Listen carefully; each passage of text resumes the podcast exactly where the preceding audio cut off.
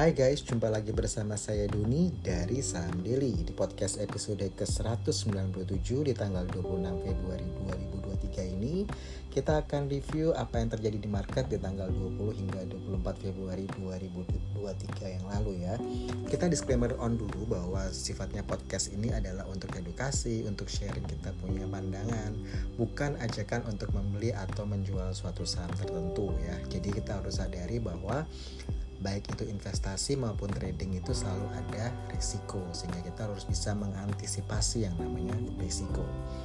Oke kita lihat uh, selama periode minggu lalu itu ISG high-nya di 6923, low-nya di 6839, di close di 6856 yang artinya ISG itu secara uh, selama minggu lalu itu minus 0,57 persen. Sedangkan kalau di bulan disedangkan di bulan Januari itu ISG minus 0,16 persen ya, ditutup di uh, level 6839. Untuk top gainers minggu lalu secara sektoral kita lihat bahwa transportation itu plus 3,67 persen, cyclical itu plus 0,52 persen, sedangkan industri itu plus 0,07 persen. Sedangkan di top losersnya untuk secara sektoral itu teknologi minus 2,93 persen, sedangkan finance itu minus 1,59 persen, healthcare itu minus 1,36 persen. Nah kalau kita ingat uh, di Januari ya uh, healthcare ini dia minus 1,22 persen dan minggu lalu dia minus 1,36 persen. Jadi istilahnya di healthcare ini masih minus ya. Untuk net buy asing minggu lalu di 303 miliar ini masih kecil, jadi belum banyak asing uh, net buy. Sedangkan untuk value, uh, value daily tradingnya uh, secara overall ya di uh, regular market itu kisaran 7 hingga 8 triliun per hari ya. Jadi kalau kita mau rinci di tanggal 20 Februari itu 7,5 triliun, di tanggal 21 Februari 6,6 triliun, di tanggal 22 itu 7,8 triliun, tanggal 23 8,5 triliun, di tanggal 24 itu 8 triliun. Oke, kita update komoditas dulu. Oil. Oke, untuk oil ini kalau kita compare uh, dengan akhir bulan Januari kemarin oil ini minus 3% ya. Nah, untuk oil ini agak-agak menarik karena uh, reopening Cina ini berpotensi meningkatkan permintaan minyak mentah secara global dan juga uh, Rusia. Nah, Rusia ini rencananya akan melakukan pembatasan produksi minyak mentah di bulan Maret 2023. Nah, kita akan lihat apakah di bulan Maret ini uh, harga minyak akan naik atau bagaimana ya karena kan kalau dia membatasi di bulan Maret uh, harapannya harga minyak bisa naik ya kalau sekarang kan harga minyak masih minus 3% Lalu untuk gold, nah gold ini dia minus 6%. Jadi kalau uh, di Januari dia di 1939, nah kemarin itu di 1827 ya di tanggal 24. Jadi kita lihat masih uh, ada koreksi ya untuk di gold. Sedangkan uh, natural gas ini minus 9%. Uh, eh, kemarin kita sempat sampaikan mungkin uh, ini positif untuk emiten-emiten yang dia menggunakan gas uh, dalam memproduksi produknya Lalu untuk timah dia minus 15%, nikel juga masih minus 18%. Memang kalau kita lihat uh, nikel ini lumayan ya. Ini kedua yang minusnya lumayan besar, sedangkan yang pertama itu coal ya. Untuk copper itu masih minus 4%, nggak terlalu tinggi tapi tetap minus ya. Untuk uh, coal ya untuk Newcastle itu minus 27%.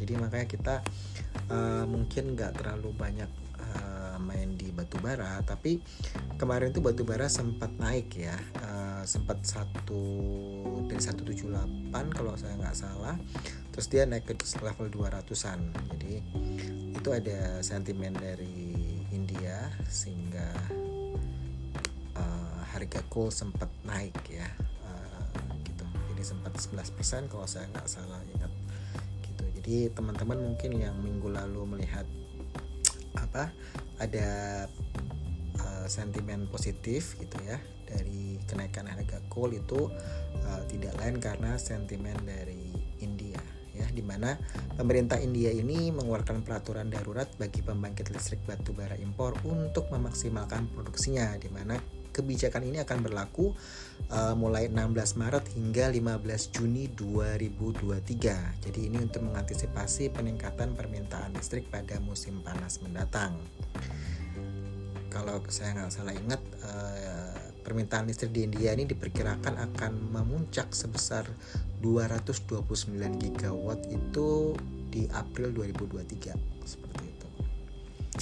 Jadi uh, makanya kemarin uh, harga batu bara sempat naik ya gitu. Jadi ini yang uh, buat trading-trading kemarin cukup menarik ya kalau untuk cuman trading sementara gitu di mana memang uh, potensi meningkatnya impor batu bara di India ini merupakan sentimen positif ya untuk emiten batu bara di Indonesia mengingat India ini pasar terbesar batu bara Indonesia di tahun 2022 gitu.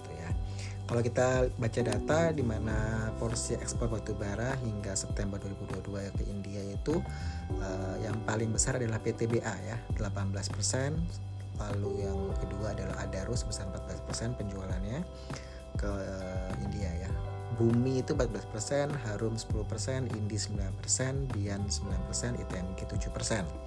Nah, kalau teman-teman lihat secara chart yang menarik secara minggu lalu itu adalah PTBA, ada Haro, lalu ada ITMG. Di mana ITMG juga uh, rilis laporan keuangannya dia dan kinerjanya bagus banget. Jadi nggak heran kemarin IT, uh, eh, ITMG itu uh, ada kenaikan ya uh, di harga sahamnya seperti itu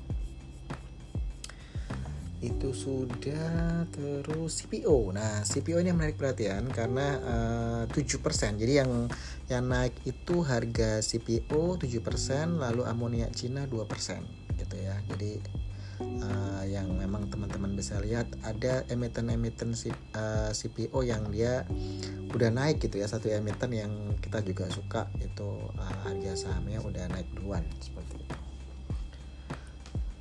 Terus kita kembali ke bulan Maret. Jadi mungkin kalau kita bilang sentimen-sentimen terdekat nanti itu selain uh, eh, MSCI ya, lalu uh, FTSE ya.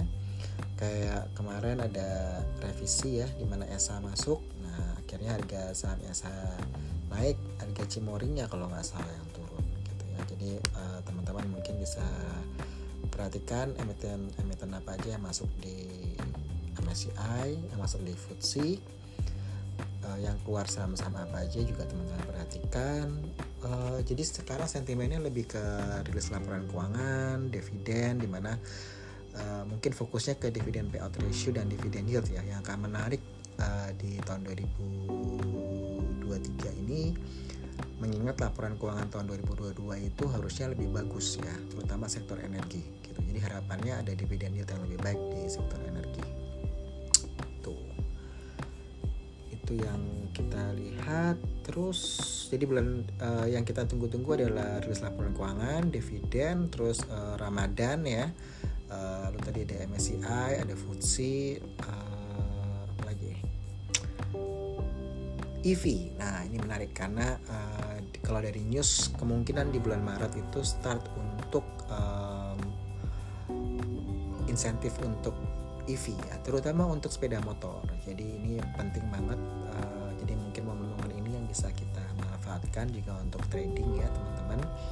Di mana uh, kalau kita lihat uh, kemarin ada Indonesia International Motor Show atau IMS ya, itu uh, 16 sampai 26 Februari 2023 jadi menjadi sentimen positif juga bagi emiten emas misalkan karena mereka punya motor listrik Yadea ya yang diluncurkan di uh, di IMS itu.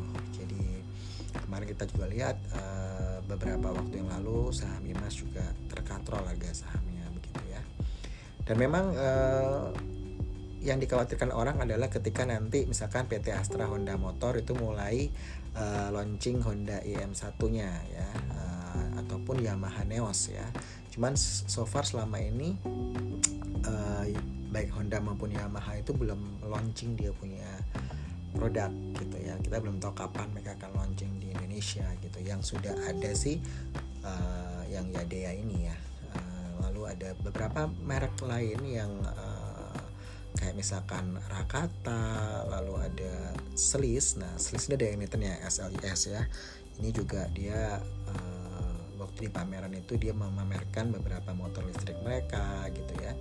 Dari selis Emax lalu apalagi ya selis Agats ya lalu New Scutic seperti itu. Lalu ada merek United di motor ya ada Davigo gitu. Jadi uh, banyak pilihan yang mungkin uh, penggemar uh, motor ya sepeda motor mungkin bisa beralih ke motor listrik gitu ya. Jadi memang kita bilang pemerintah kalau nggak salah sekitar 7 juta per motor ya uh, insentifnya. Nanti kita lihat apakah bentuk uh, insentif berupa pajak atau apa yang kita kita belum tahu ya uh, realnya seperti apa aturannya. Jadi mungkin masih ke sentimen-sentimen listrik itu. Oke? Okay? segitu dulu saya Doni dari Sandiri out